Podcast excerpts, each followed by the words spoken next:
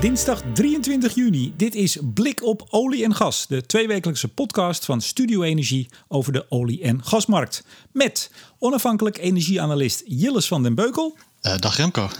Senior energie-econoom bij ABN AMRO Hans van Kleef. Hallo. En mijn naam is Remco de Boer.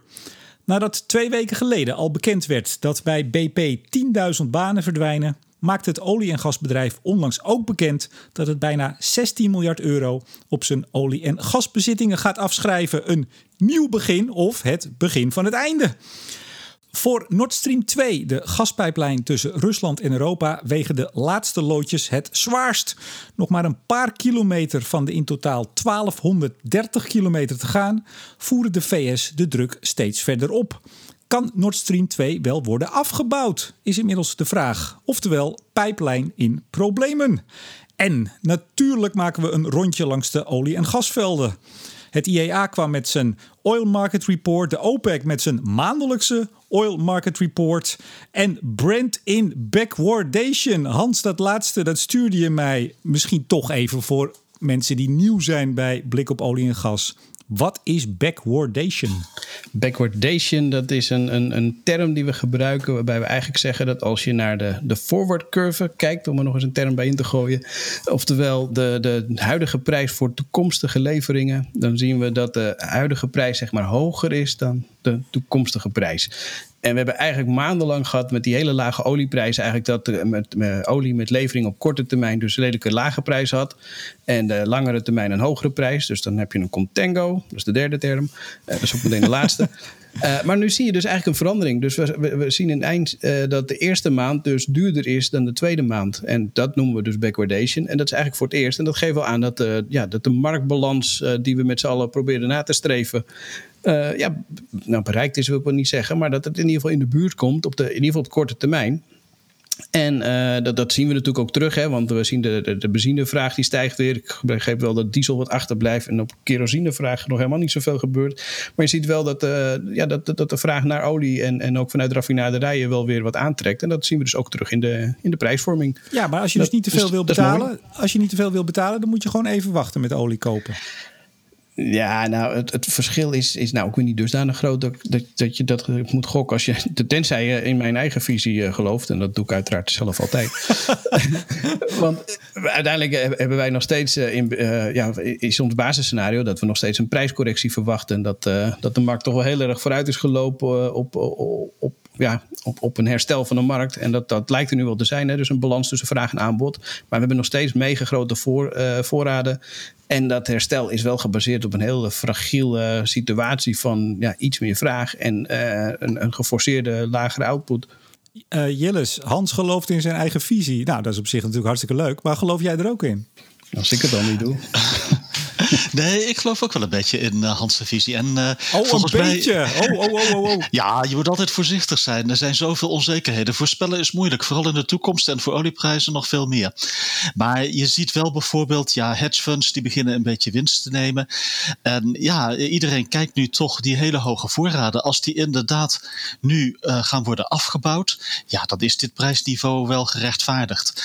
Maar als uh, schalieolie en toch ook sommige OPEC-landen voorzichtig weer een beetje de productie opschroeven, nou, dan zou er best een, uh, uh, een correctie naar beneden kunnen komen. En eigenlijk het gevoel is toch een beetje van, uh, nou, dit is wel heel snel gegaan. Dus er is wat meer, zoals dat zo vrij heet, wat meer neerwaarts dan opwaarts potentieel, denk ik.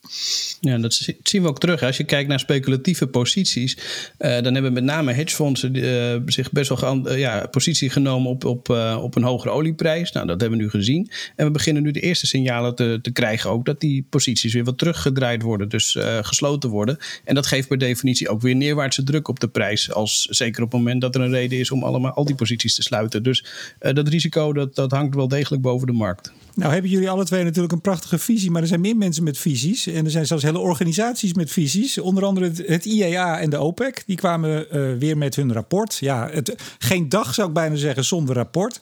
Hans, jij kijkt volgens mij altijd meer naar het IEA dan het OPEC. Of juist andersom. Wat was het ook alweer? Nou, kijk naar alle twee, maar dat IEA, ja goed, die, die, die, hebben toch eh, iets minder de schijn dat ze partijdig zijn dan het OPEC. Ehm, eh, en, en ik moet eerlijk zeggen, de, de rapporten waren nu redelijk in lijn. Hè? En, uh, en, inderdaad, het zijn wel iedere dag komt er een rapport uit, maar dit zijn maandrapporten, dus, dus, dus die komen maar één keer per maand. Um, maar er waren eigenlijk twee, twee dingen wat ik uit het uh, Oil Market Report van IEA haalde, wat ik zelf wel interessant vond. Um, dus als je het goed vindt, dan neem ik die meteen maar even mee. Nou, we zijn er nou toch. Ja, toch? Dus um, nee, het eerste is uh, dat ze echt wel een serieuze daling van de vraag verwachten. Nou, min uh, 8,1 uh, miljoen uh, voor dit jaar gemiddeld. Hans, dat wisten we al hoor. Jawel, maar die is 500.000 hoger ah. dan afgelopen maand. Dus hij is uh, bijgepast. En als je kijkt naar de vraag, uh, uh, die, die hebben ze ook wat, wat bijgesteld. En ook voor volgend jaar verwachten ze dan wel weer een herstel. Maar dat herstel van de vraag is 5,7 miljoen en van het aanbod maar 1,7. Dus dat zie je, dat op een gegeven moment dat je richting een tekort gaat in de markt. En dat was natuurlijk ook een beetje het doel van de OPEC-actie. Om ja, te zorgen dat die voorraden weer een beetje genormaliseren. Uh, dus dat is één ding. En het tweede is dat als ik kijk naar de, hun verwachting met betrekking tot de productie in de VS, dan verwachten ze een daling gemiddeld genomen voor het jaar van 0,9 uh, miljoen vaten in uh, dit jaar, maar ook nog steeds een daling van 0,3 volgend jaar. Dus uh, dat geeft ook aan dat in ieder geval het IEA niet een heel groot herstel ziet van de schalieolieproductie. Jillis? Uh, komt denk ik pas op gang als de prijs uh, serieus hoger is. Uh, niet bij 40 dollar, wel een beetje, maar pas echt serieus met, met 50 of 60. En, en tot die tijd is het, is het overleven voor de schaliejongens. Of niet overleven voor sommige bedrijven. Er valt toch wel het een en ander om daar.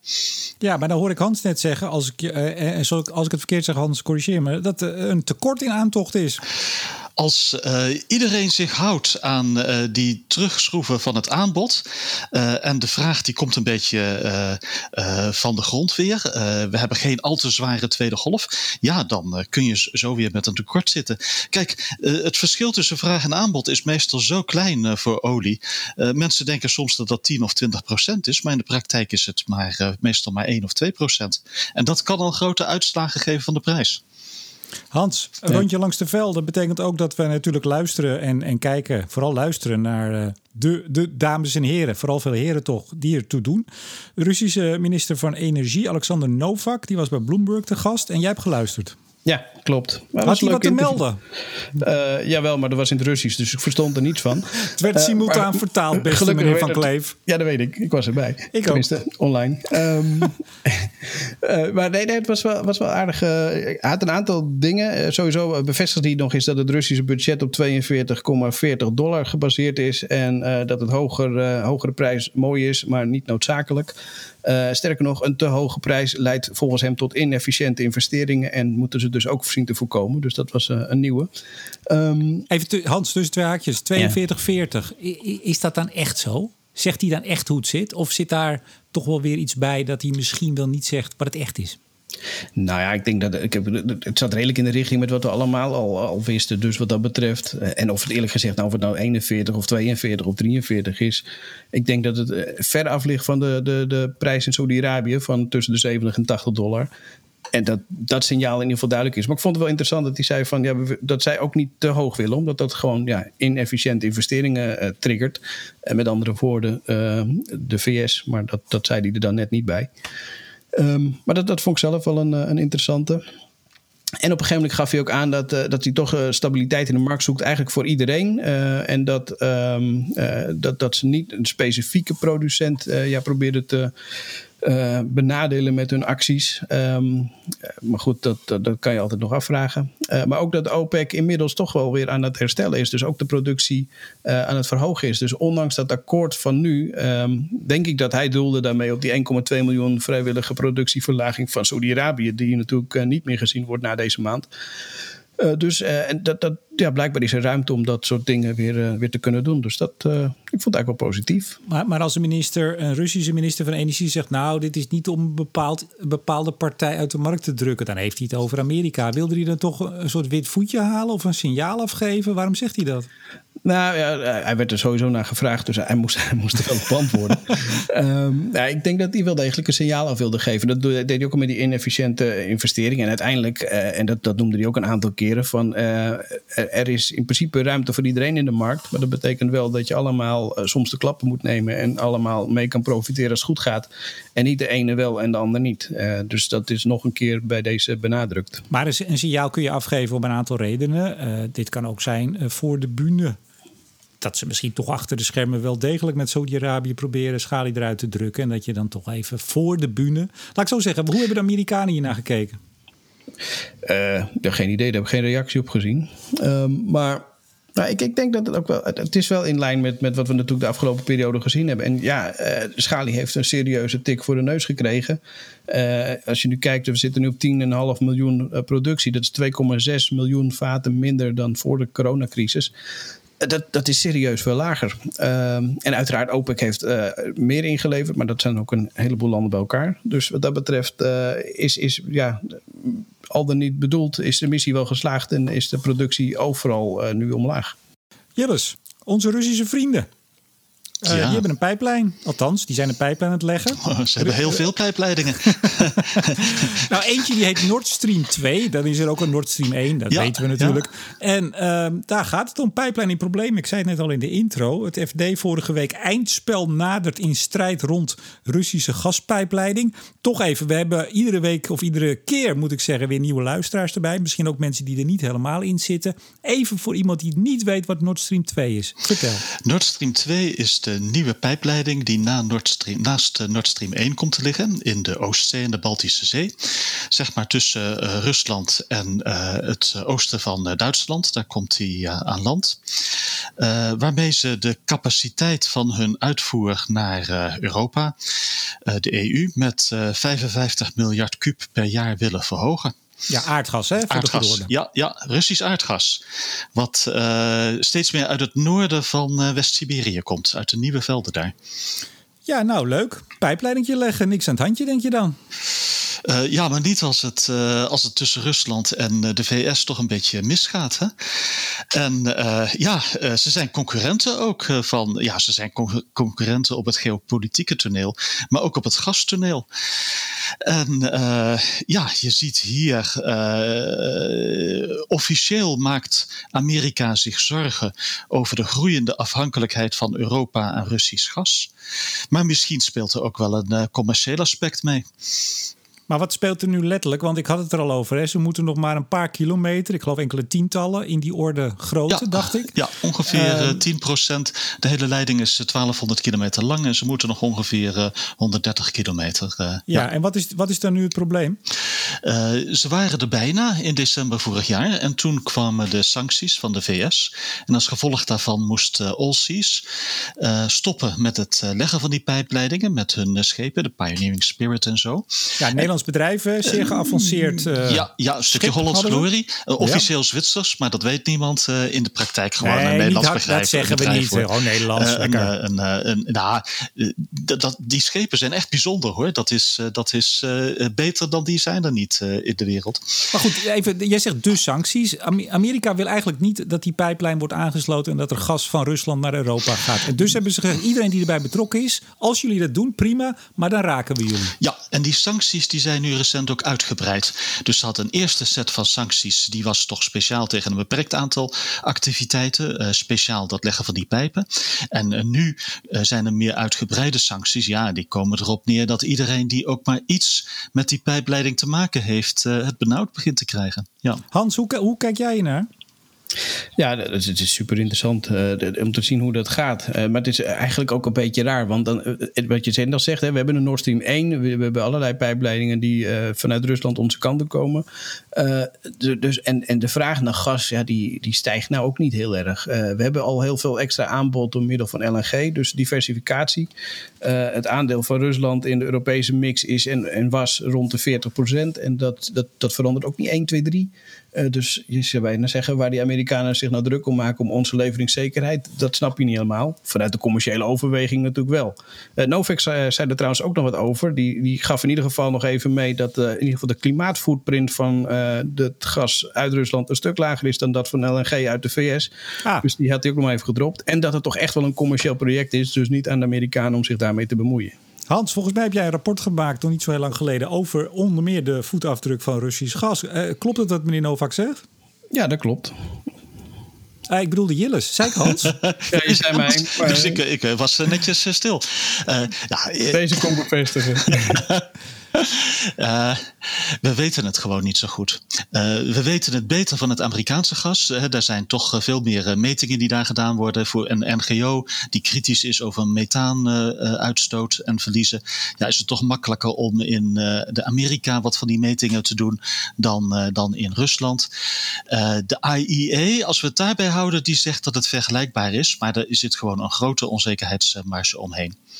Nou, zei, nou zei al, die sancties worden uitgebreid. En zo'n beetje ongeveer iedereen die maar met zijn vinger wijst naar Nord Stream 2, die heeft al sancties aan zijn broek. Ja. Um, nou, ja, ja, nou, maar wat gaat dat betekenen? Ik hoorde van een Duitse burgemeester die uh, aangaf dat hij uh, misschien wel voortaan uh, niet meer naar de VS kon. En dat was dan een burgemeester van een havenstadje, waar een van die Russische pijpenleggers nu ligt, bijvoorbeeld. Ja, ja maar, maar trek hem eens door. Gaat, gaat, gewoon, gaat die afgebouwd worden? Nou, dat is echt nog maar de vraag. Want kijk, je moet je voorstellen Rusland, uh, ja, dat zit wel in een isolement. Dat moet het helemaal in zijn eentje doen nou en dat, dat valt ze niet mee. Dus wat er nu speelt is, ja, kunnen ze met hun eigen middelen die laatste, zeg maar, 100 kilometer uh, nog uh, voor elkaar boksen. En ja, dat blijkt toch vrij lastig voor ze te zijn om dat in hun eentje te doen. Dus ze hadden ooit in 2016 een pijpenlegger gekocht uit een uh, failliete boedel. Uh, die was, Zo, zoals je allemaal wel eens een pijpenlegger koopt uit een failliete boedel. Ja, ja als je nog een miljardje hebt liggen ergens, dan, dan kan dat zomaar. dat was dat Gazprom, die regelde dat. Ik geloof niet dat het op naam van Gazprom ging, maar iedereen weet dat Gazprom daarachter zat. en die heeft nou ja, drie jaar, niet als pijpenlegger trouwens, maar als gewoon een, een, een fatsoenlijk werkschip, een kraanschip in de zee van uh, Ochots gewerkt. Nou ja, en dan moest hij nu, en dat is eigenlijk voor de Russen voor het allereerst, uh, moest hij een pijp uh, offshore gaan leggen.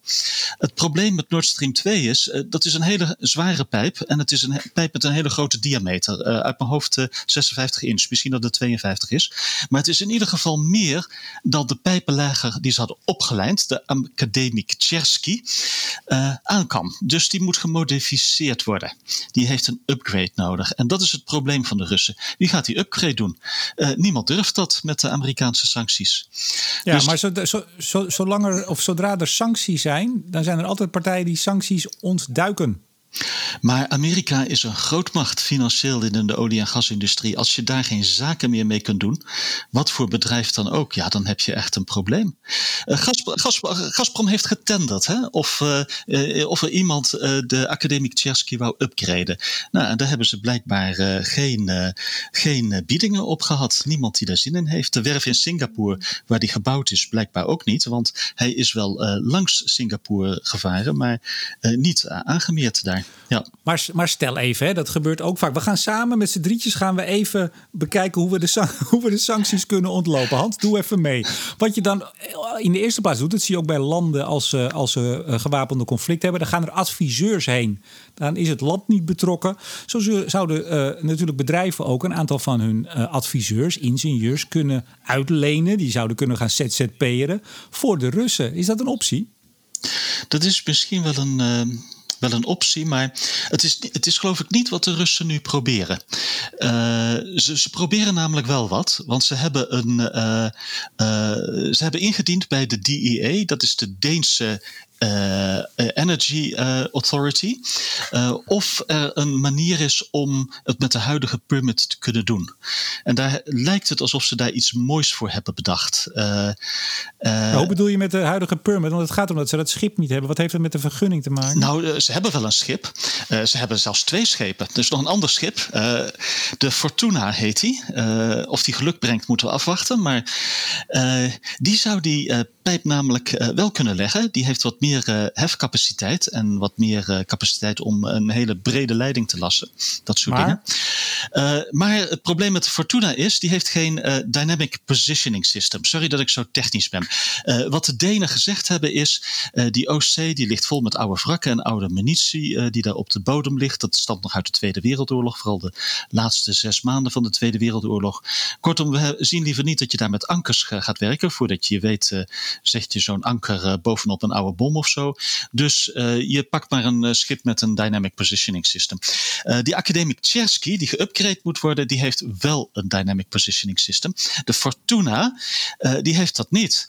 Dus, nou, dan, kop, dan koppel je ze vast aan elkaar. Precies. En het lijkt erop, met wat ik lees uit sommige bronnen, is dat het erop lijkt dat ze inderdaad iets dergelijks van plan zijn. je koppelt de dynamic positioning capabilities van de Academic Tchersky aan de hef- en lastcapaciteit van de Fortuna. En als eenmalige Russische speciale creatieve oplossing ga je dat laatste stukje pijp leggen. En de vraag is nu of de Denen met uh, zo'n soort, wat zullen we zeggen, ja, toch een stukje Russisch huisvleit uh, akkoord gaan. We weten het dus niet. Ja, ja, nee, nee, we weten het wel, echt maar... niet. We weten het echt niet. Maar als ze akkoord gaan, laten we dat zo afronden. Als ze akkoord gaan, Lukt het dan? Of is het, is het een houtje-touwtje uh, oplossing die, waarvan we nog maar moeten afwachten of die uh, gaat lukken? Um, het is de vraag of ze akkoord gaan. Als, het, als ze bij akkoord gaan, zal het de Russen echt wel, uh, wel lukken om dat te doen. Maar laat ik het zo zeggen. Denen doen dingen, denk ik, toch wel vrij graag netjes in de olie- en gasindustrie. En dit klinkt een beetje als Russisch houtje-touwtje werk. Hans, uh, dit soort ontwikkelingen, geopolitiek. Hè, van der Linden had ook een artikel in het FD vorige week. Internationaal machtsspel rond olie en gas. Gaat het over de, de Europese Green Deal? Hè? Die is nog noodzakelijker daardoor. Speelt dit nou in jouw analyse? Speelt dit überhaupt mee? Of niet? Ja, nou, nou, het, het, is lastig. Energie is geopolitiek. En of we het nou hebben over olie, gas, uh, kolen, uh, steeds meer elektriciteit. Het is allemaal geopolitiek. Um, dus ja, het speelt mee. Aan de andere kant uh, is, is politiek ook verrekte lastig te voorspellen. Zo niet onmogelijk. Um, en uh, ja, dus het is, het is heel lastig hoe, hoe je dat mee moet nemen uiteindelijk in, in, je, in je ramingen. Dus ja, je kijkt ernaar, je neemt het mee, maar vooral op korte termijn, zeg maar, de korte termijn issues. De langere termijn dingen, ja, ik bedoel, je, je kreeg toevallig net een vraag over CO2-prijzen en over het beleid voor volgend jaar. Ik zei, ja, ook dat is politiek en uh, we kunnen er nu een aanname op doen. Maar er, er, is nog zoveel tijd om dat weer te laten veranderen, zeg maar. Dus dat, dat, je kan het niet te zwaar meenemen. Nee, maar jij bent een grondstoffenanalist, zeg ja. ik dat goed? Ja. Maar hebben jullie bij de bank ook echt geopolitiek specialisten? Uh, ja, we hebben een afdeling die kijkt naar uh, inderdaad naar dat soort geopolitieke ontwikkelingen. En we hebben een afdeling uh, die wat meer met landenrisico bezig is. En dat komt eigenlijk ja, een beetje samen op het hele geopolitieke stuk. Ik moet eerlijk zeggen dat we dat dan niet zozeer gebruiken voor de ramingen. En, en tenminste, ja, deels wel. Maar dat dat meer te maken heeft met limieten die je aan bepaalde landen koppelt. Zodat je er wel of geen zaken kan doen. maar ja, die analisten hebben wel degelijk. Dus jullie moeten heel vaak met elkaar koffie drinken? Uh, ja, dat is tegenwoordig wat lastiger. Maar dat, ja, want hoe, uh, zit, hoe zit het eigenlijk? Zit jij nog steeds thuis of af en toe op, uh, op de Zuidas? Nee, nee, ik zit over het algemeen thuis. En we hebben nu toevallig op onze afdeling een pilot waarbij we weer eens af en toe naar kantoor kunnen. Maar, en het is ook nog eens op vrijwillige basis en allemaal voorzichtig. Dus het, over het algemeen werken we thuis. En ik denk dat het ook wel een beetje onderdeel is van het nieuwe, het nieuwe werk hoor. Dat we grotendeel gewoon thuis blijven werken. Echt waar? Ja. Lijkt me vreselijk. Ja, ik, heb geen, ik heb geen baan, dus ik weet het eigenlijk niet. Maar ik, ik zou het liefst gewoon lekker weer onder de mensen zijn in plaats van thuis. Nou ja, en, en sommige dingen mis ik absoluut. Uh, maar dat heeft dan meer te maken met de, de, de, de, ja, de, de koffieautomaatgesprekken, zeg maar. En, uh, en het netwerken bij evenementen. Uh, ik moet zeggen, en het, het aantal uh, afspraken of uh, vergaderingen zijn een stuk minder. Maar het, ja, gewoon het, het, het puur het analyses doen, ja, dat, dat kan ik hier thuis net zo goed als op kantoor. En werk je hier een stuk efficiënter, dat je gewoon simpelweg minder gestoord wordt. Ja, en die crisis is natuurlijk ook wel een hele mooie manier om sommige collega's gewoon een beetje te lozen. Het zou best zo kunnen zijn, Hans, dat er al heel veel van jouw collega's iedere dag op kantoor zitten. Dat ze tegen jou zeggen: nee, het kan nog niet. Dat kan. Ja, dat zou kunnen. Ga ik toch maar eens langs binnenkort. Jilles, BP. Ja, British Petroleum. Ja, nou, daar hebben we het al vaker over. Jij hebt ook een, een voorspelling gedaan hè, over de dividendverlaging. Die staat nog, hè? Die staat nog, ja. ja. Zeker. Ja. Grote afwaardering aangekondigd. Ik zei het al in de intro. Aanvankelijk eerst al een week of twee geleden 10.000 man eruit. Ik begrijp van binnen BP dat dat toch nog niet helemaal de bedoeling was. Het is best als een schok uh, gekomen en als een bom ingeslagen. Ik denk dat dat, dat altijd als een uh, schok komt. Als je werkt bij een bedrijf en je hoort dat. Uh, dat is een moment wat je je later nog herinnert. Ja, en al voor het eind van het jaar, hè? Dus het is ook niet van we nemen er eens een jaar, anderhalf voor. Nee, dat moet binnen een half jaar al afgerond zijn. Ja, het is trouwens, ja, denk ik niet echt verrassend hoor. Andere bedrijven doen het ook. Nee, maar goed, je zal het maar net zijn. Hè? Absoluut, ja, ja. Maar daar kwam dus overheen vorige week de afwaarderingen van de, de olie- en gasbezittingen tot, dat is altijd de vraag hoeveel, maar tot zo'n nou ja, ja 15 een, à 16 miljard. Ze had een range van 13 tot 17,5 miljard dollar. Dus zeg maar tot 16 miljard euro ongeveer, ja. Uh, wat, wat is dit? Is dit, uh, nou ja, dit, je zei het al een beetje net met die ontslagen. Ach, dat, dat zou je ook wel kunnen verwachten. Grijpt BP hier hard in? Of is dit bijna business as usual als het om een crisis gaat? Uh, corona is geen business as usual. En zo'n grote afschrijving is, dat, is dat ook niet. het is wel een beetje misschien, ja, toch nieuwe topman. Die het liefst, ja, dit soort dingen maar gelijk aan het begin van zijn regime doet. om dan, ja, toch met wat minder ballast verder te kunnen gaan. Maar het is uh, substantieel hoor. De marktwaarde van BP die zal zo rond de 65 uh, miljard dollar liggen. Dan praat je hier toch over een, uh, een kwart daarvan. Ja, dat is, dat is een grote hap. Ja. Ja, ze hebben nog eens hun, hun exploratieconcessies onder de loep genomen, zoals dat heet. En die hebben gezegd, ja, het is toch een stukje minder waard. Ja, ja, dus het zal voor een heel groot stuk eh, bestaande velden zijn. Uh, toekomstige productie. En als je raming van de olieprijs omlaag gaat, nou ja, dan worden ook die, uh, die velden worden minder waard. En je zult sommige licenties hebben uh, waar je ja, misschien wel nooit meer echt aan wilt beginnen. Ja, want dit, dit gaat dan dus over hoe lang verwacht je welke olieprijs? Ja, en uh, ik begreep dat hun uh, gemiddelde olieprijs op de lange termijn nu gedaald was naar 55 dollar. En dat vond ik wel uh, opvallend, want blijkbaar was die dan een stuk hoger dan 55 dollar. En ja, dat vind ik een beetje verrassend eigenlijk. Ja die, ja. die, lag op bijna 70, of 75. in een rapport volgens mij van 2019 had ik van onze aandelenanalisten doorgekregen, lag hij op, op 70 en inflatie, als je die erbij rekent, zelfs nog ietsje hoger. Uh, terwijl Shell al op 60 ja, zat. Ja. Dus, uh, dus, dus, ze zaten veel te hoog al. Ze, ze zaten ja. eigenlijk aan de hoge kant. Van blijkbaar had de vorige topman er geen zin in om dat in de laatste jaren van zijn regime uh, nog aan te gaan passen. Uh, ja, en BP heeft natuurlijk ook best een moeilijk decennium achter de rug. Ze hebben in totaal, uh, ik geloof, 63 miljard dollar uitgekeerd aan Macondo. De grote ramp, vrijwel op de kop af tien jaar geleden nu. Ongeveer de, de waarde die ze nu hebben. De waarde die nu nog over is, ja. Of die nog over is, ja. Ja, ja. ja. Hey Hans, hoe kijk jij? Want uh, jullie zijn het lange termijn. Uh, dat wordt omschreven als tot 2050. Een ja. olieprijs van 55 per vat. Nou, jij bent onze cijferman. Zeg het ja. maar. Maar onze lange termijn, uh, tenminste bij de bank en qua ramingen, die is een jaar of twee, drie vooruit. en uh, uiteraard uh, doen we financiering op langere termijn basis ook. maar dan, dan gaan we toch ja, met meer van dit soort ja, evenwichtsprijzen uit, zeg maar. Uh, maar uh, dat, dat, dat zit dan niet in mijn kortere termijnramingen. En die evenwichtsprijzen, die, daar kijken we natuurlijk wel degelijk naar. En nou, die staan voor BP nu 55, die is voor uh, Shell 60. En Novak zei daar van de week trouwens over dat hij dacht dat het rond de 50 zou liggen. Nou, ik denk dat de, dan de 50-60 range dat dat een redelijke aanname is voor de langere termijn. je moet niet vergeten dat als je kijkt naar de, dat is dan 30 jaar vooruit. Dus als je naar de afgelopen 30 jaar kijkt, heb je enig idee wat de gemiddelde prijs was? Nee. Oh, Gok je ook niet? Ja, maar je, ik, ik, geef de kans aan Jillis dat hij erin springt oh. en die zegt: Ja, maar ik weet het wel. Uh, afgelopen 30 jaar. Ja? Dus van, uh, even kijken hoor, van 1990 tot uh, 2020. Ja, is een heleboel gebeurd. Anywhere tussen de 10 dollar en de 140. Dus ik denk gemiddeld. Ja, dit, dit, soort antwoorden kan ik ook geven. Jillis, gemiddeld, hier komt hij aan 70. 49. 49. Goh. En een half, om precies te zijn. 49,5 voor Brent. Het is ook een podcast van niks dit, hè? We roepen maar wat. Leuk. Mooi, Nee, maar dat geeft wel aan. erbij. Nee, maar je, je had zeker. Ja, de- ik heb die eerste 15 jaar, dat, dat lag de prijs echt eh, Ja, rond de ja, 20, nee. 15, 20 dollar. Eh, en daarna zijn we inderdaad naar die 150 gegaan en weer terug en weer omhoog naar de twee jaar rond de 120 geschommeld. Eh, maar dan zie je wat dat, eh, ja, wat, wat dat uiteindelijk doet, zo'n zo'n gemiddelde prijs. Dus wat dat betreft eh, verwacht eigenlijk voor de komende 30 jaar ongeveer hetzelfde als de afgelopen 30 jaar. Maar daarin heb je dus wel mogelijk, de mogelijkheid voor prijsschommelingen tussen, nou ja, wat zei je, zo, tussen de 10 en de 140, 10 en 140, hè? Ja, ja. Maar dat ga ik voortaan ook zeggen. Nou, ik denk zo tussen de 10 en 140. hey, maar, maar even onze, heren. onze handelaar zou zeggen, er kan een tanker doorheen, zo groot is dat. Kijk, he- heren, even eh, het voorspellen, of nee, niet voorspellen, het, het aannemen eh, voor 30 jaar naar voren van een, een prijs voor een vat olie.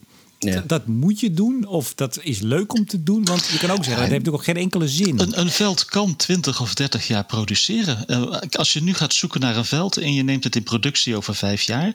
En dat veld heeft een levensduur van 25 jaar. Het is echt de gemiddelde olieprijs over die hele tijd. Waarvan je dan eh, uitrekent eh, hoeveel, hoeveel je eraan overhoudt. Ja. Ja, maar dat kun je toch alleen maar uitrekenen als je ook weet wat de, de, de marktwaarde daarvan zal zijn de komende 30 jaar. Ja, maar die weet je natuurlijk niet. Je weet uiteindelijk niet wat de vraag en aanbod doet. Dus je, je gaat met, met een bepaalde richtprijs eh, werken. Ja, en, en je zult naar alle waarschijnlijkheid ook een low case en een high case eh, meenemen hoor. Je doet dat niet op, eh, op één mid case, maar je neemt een aantal scenario's. Je, je wilt bijvoorbeeld zien hoeveel winst maak je in een mid case, maar ben je een beetje beschermd als je een, een, een low case scenario krijgt van olieprijzen? Ja. Maar het klinkt allemaal heel. eh, er zitten allemaal hele knappe dames en heren aan te rekenen. Maar uiteindelijk eh, kan er van alles gebeuren en we weten het eigenlijk niet. Ik denk dat je wel een case kunt maken dat je gemiddeld nu zo rond de 50, 60 dollar zult zitten.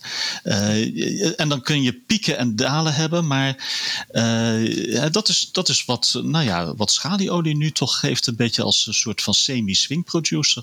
Van- Nou, ik denk dan, ik denk eh, Jillis dat we in 2051 bij aflevering eh, 786 van Blik op Olie en Gas, dan kijken we even terug. Zullen we dat doen? Ja, dat is een veiligheid weg, Remco. Nee, maar het is ook niet staat. Het beweegt ook wel een beetje. Uiteindelijk, eh, dat was eh, een paar jaar terug, was die, die gemiddelde jaarprijs die, of voor, lange termijnprijs, die was er rond de 60. En die, die, ja, die zakt dan nu wat weg. Dus het past wel aan. Alleen eh, langzaam. En ja, goed, het geeft je de tijd om ook in je portefeuille, zeg maar, daar eh, op te sturen. En andere belangrijke tot slot. eh, waar houdt BP mee rekening als het over de CO2-prijs gaat, Jillis? Eh, ze gaan naar eh 100. eh, dan moet ik even af zijn of het 100 dollar of 100 euro is. Ik neem aan dollars, want als ze doen alles in dollars. Eh, nou ja, en de huidige prijs is eh 24 euro ongeveer, die orde van grootte. De, rond, eh, heeft zich in ieder Ja. geval heel behoorlijk hersteld. 24,5. Ja. Hans? Maar wat- hebben ze ook een visie op euro-dollar dan? Want dat is wel relevant. Eh, nee, ze, ze- volgens mij doen ze, alle, ze geven alleen maar eh, schattingen in dollars af. 100 dollar voor, eh, vanaf 2030 voor een, voor een CO2-prijs. Ja. Hans, hoe kijk jij tegen die 100 dollar aan? Is dat reëel? Over 30 jaar? Ik heb geen idee. Nee, vanaf Ik- ik- 2030. Vanaf 2030. Eerlijk gezegd, ja, maar maar dat geldt voor hetzelfde eigenlijk met de andere prijzen. Eh, Dat, dat, ja, CO2-prijs voorspellen, dat, dat, dat ook niet zo ver vooraf. En eerlijk gezegd, ik hoop helemaal niet dat we die 100 dollar nodig hebben. Uiteindelijk is, eh, dat, dat, dat heb ik eerder gezegd, eh, het CO2-emissierechtensysteem is uiteindelijk een, een, een hulpmiddel om te komen tot CO2-verlaging. En als dat allemaal keurig volgens plan gaat, dan heb je aan een hele lage prijs eh, genoeg. Vooruitblik. Waar kijken jullie naar uit? Jillis, heb jij nog spannende dingen op de agenda? Nou, ik had nog één dingetje over BP. Eh, Oh. Ik denk inderdaad dat dit de kans wel verhoogt dat het dividend bij de tweede kwartaalcijfers begin eh, augustus eh, omlaag gaat. Ja, toch wel. Maar dat heb je toch al lang voorspeld? Ja, maar dat was een voorspelling in de zin van eh, anything can happen. Eh, en, en dit is een, meer een voorspelling van, nou, dit begint toch wel behoorlijk waarschijnlijk te, te, te worden. Ja. Ook jij gelooft steeds meer in je eigen voorspellingen. Ja, Ik wou net uitkijken, zeggen, ja. uitkijken, ja, ja, ja. Ja, ik ga, ik ga nu toch voortaan jouw voorspellingen wat anders, eh, wat anders bekijken, Jillis. Want ik dacht, nou, jij hebt dat toen heel serieus voorspeld. En je kwam ook echt met een... eh, maar dat eigenlijk was gewoon een... eh, ja, slachten naar slaan. Nee, maar ik, ik begin het nu een beetje door te Een, krijgen. educated guess, zoals dat zo mooi Ach. heet. Ah, Prachtig. van een gifted amateur. Ja, zeker. Zeg, vanuit Appelscha, waar kijk je naar uit? Nou, ik ben toch wel benieuwd wat er deze zomer met Nord Stream 2 gaat gebeuren. Want eh, dit is niet iets wat je in november wil doen. eh, en, en ja, eh, er is nog geen teken van dat ze echt gaan beginnen met de job. Ik ben benieuwd hoe dat afloopt. Ja, dat duurt toch ook wel even, want die, die, die Deense autoriteit die moet nog eh, goedkeuring geven. Eh, dan moet je alles nog even aan elkaar knopen. Uh, ervan uitgaan dat dat nu nog niet klaar is. Dat- Je bent toch zo'n paar maanden verder met zo'n majeure operatie? Ja, maar op zich hoeft dat niet zo. Nou ja, kijk, de Olsies die deed dat met 5 kilometer per dag. Nou ja, die zouden inderdaad in, in een paar weken klaar kunnen zijn. Dit zal met de Russen een stuk langzamer gaan. Ik denk als die 1 kilometer per dag halen, dan, dan houdt het daarmee wel op. Ja. Ik heb ook wel hetzelfde het gevoel, maar dat is misschien heel gek. Ik weet niet of Hans dat ook zo ziet, dat ze jou misschien moeten inhuren als adviseur. Ik heb toch het idee dat het dan sneller zal gaan. Ja, of een Ru- een Russische overname van Ossies. Dat, Dat, klinkt dat, kan, dat wel kan ook nog, ja. Hans, heb jij nog leuke dingen in het, eh, aan de horizon? Nou, er zijn weinig eh, data of dat soort dingen op, op de agenda. Dus eh, de, de gewone voorraadcijfers en dat soort dingen uiteraard. En verder ben ik eh, met door het eh, Sustainable Recovery Report van het IEA aan het worstelen. Dat is ook een, een behoorlijk dikke pil. Eh, dus eh, nee, dat is eigenlijk het belangrijkste voor, voor de komende Heb, paar heb je weken. al een eerste indruk van het rapport? Waar ook wat krantartikelen over. Hè? Ik, ik ben er ook nog niet doorheen hoor. Maar wat was je eerste indruk? Ehm, nou, ik, ik ben eh, op, vanwege mijn column op Energiepodium ook even, even ingezoomd op het, eh, het, het brandstoffendeel. Ehm nou goed, dat, dat, ze eigenlijk eh, pleiten voor het piek van CO2 in 2019. eh, dat, dat, dat, is, eh, ja, dat, dat was wel een, een bijzondere, denk ik. Eh, en eh, niet helemaal verwacht nog van tevoren. Ehm, En, en, realistisch of ongeloofwaardig? nou, ik denk dat er wel een. eh, ja, dat hangt er heel erg van. En dat komt er wel uit het rapport natuurlijk, eh, voor zover ik het gelezen heb. Dat het heel erg af zal hangen van hoe overheden hun steunpakketten gaan inrichten. En uiteindelijk eh, is het echt wel door de overheden, moet het vanuit de overheden komen. En met name in de VS en China. En de rest is, nou ja, als ik het heel kort door de bocht samenvat, meer geneuzel in de marge. Ik zag een tweetje van eh Fatih Birol, de baas van IEA. Dat is, die, die, die doet dat dan meestal hè, op de ochtend dat zo'n rapport uitkomt. Eh, ik heb het rapport deels gelezen, maar dat, tweetje, eh, daar stond echt van... Nou ja, al- als we gewoon lekker doen wat, wat wij denken dat nodig is... dan komen er zoveel, ik geloof 9 miljoen meer banen. Dan is 2019 blijkt de top geweest te zijn in onze uitstoot. Alles helemaal toppie. Toen dacht ik, nou, Ja, dat is als Doe iedereen inderdaad meedoet. Maar dan, daarna zei hij ergens van een, dat het hangt met name af van China en de VS. Eh, nou ja, ik denk dat dat eh, eigenlijk voor zichzelf spreekt. Wat dat meteen betekent voor de waarschijnlijk van de rest. Ik las eh, toevallig het plan voor de Russische energie tot aan het jaar 2035. En hun doel voor zon en wind in het jaar 2035 was 1%. Toch nog, hè? Toch nog? Ja, zegt dat wel. Best hè? veel. Ja.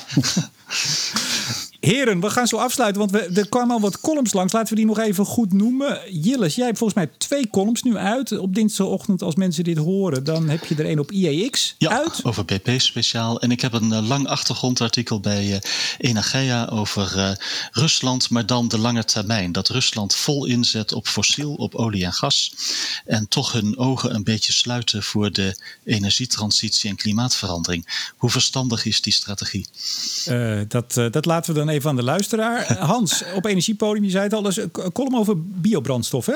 Ja, eh, op het moment van opnemen is nog niet geplaatst, maar ik verwacht hem inderdaad op dinsdag. En eh, over biomassa eh, en dan specifiek op biobrandstoffen, want ook daar kwam weer een petitie langs dat we daar vooral mee moeten stoppen. Terwijl er toch 60% minder CO2 uitstoot dan de fossiele brandstoffen. Dus ehm, ik heb een pleidooi waarom je dat eigenlijk toch vooral niet moet stoppen. En er zijn mensen die zeggen dat is helemaal niet waar, meneer Van Kleef. Ja, dat kan. Ja. Maar dan moeten ze, dan hebben ze de column nog niet gelezen. Tot zover deze aflevering van Blik op Olie en Gas. De tweewekelijkse podcast van Studio Energie over de olie- en gasmarkt. Met onafhankelijk energieanalist Jilles van den Beukel. Een eh, hele goede week iedereen. Senior energie-econoom bij ABN AMRO Hans van Kleef. Dankjewel weer. En mijn naam is Remco de Boer. Graag tot volgende keer.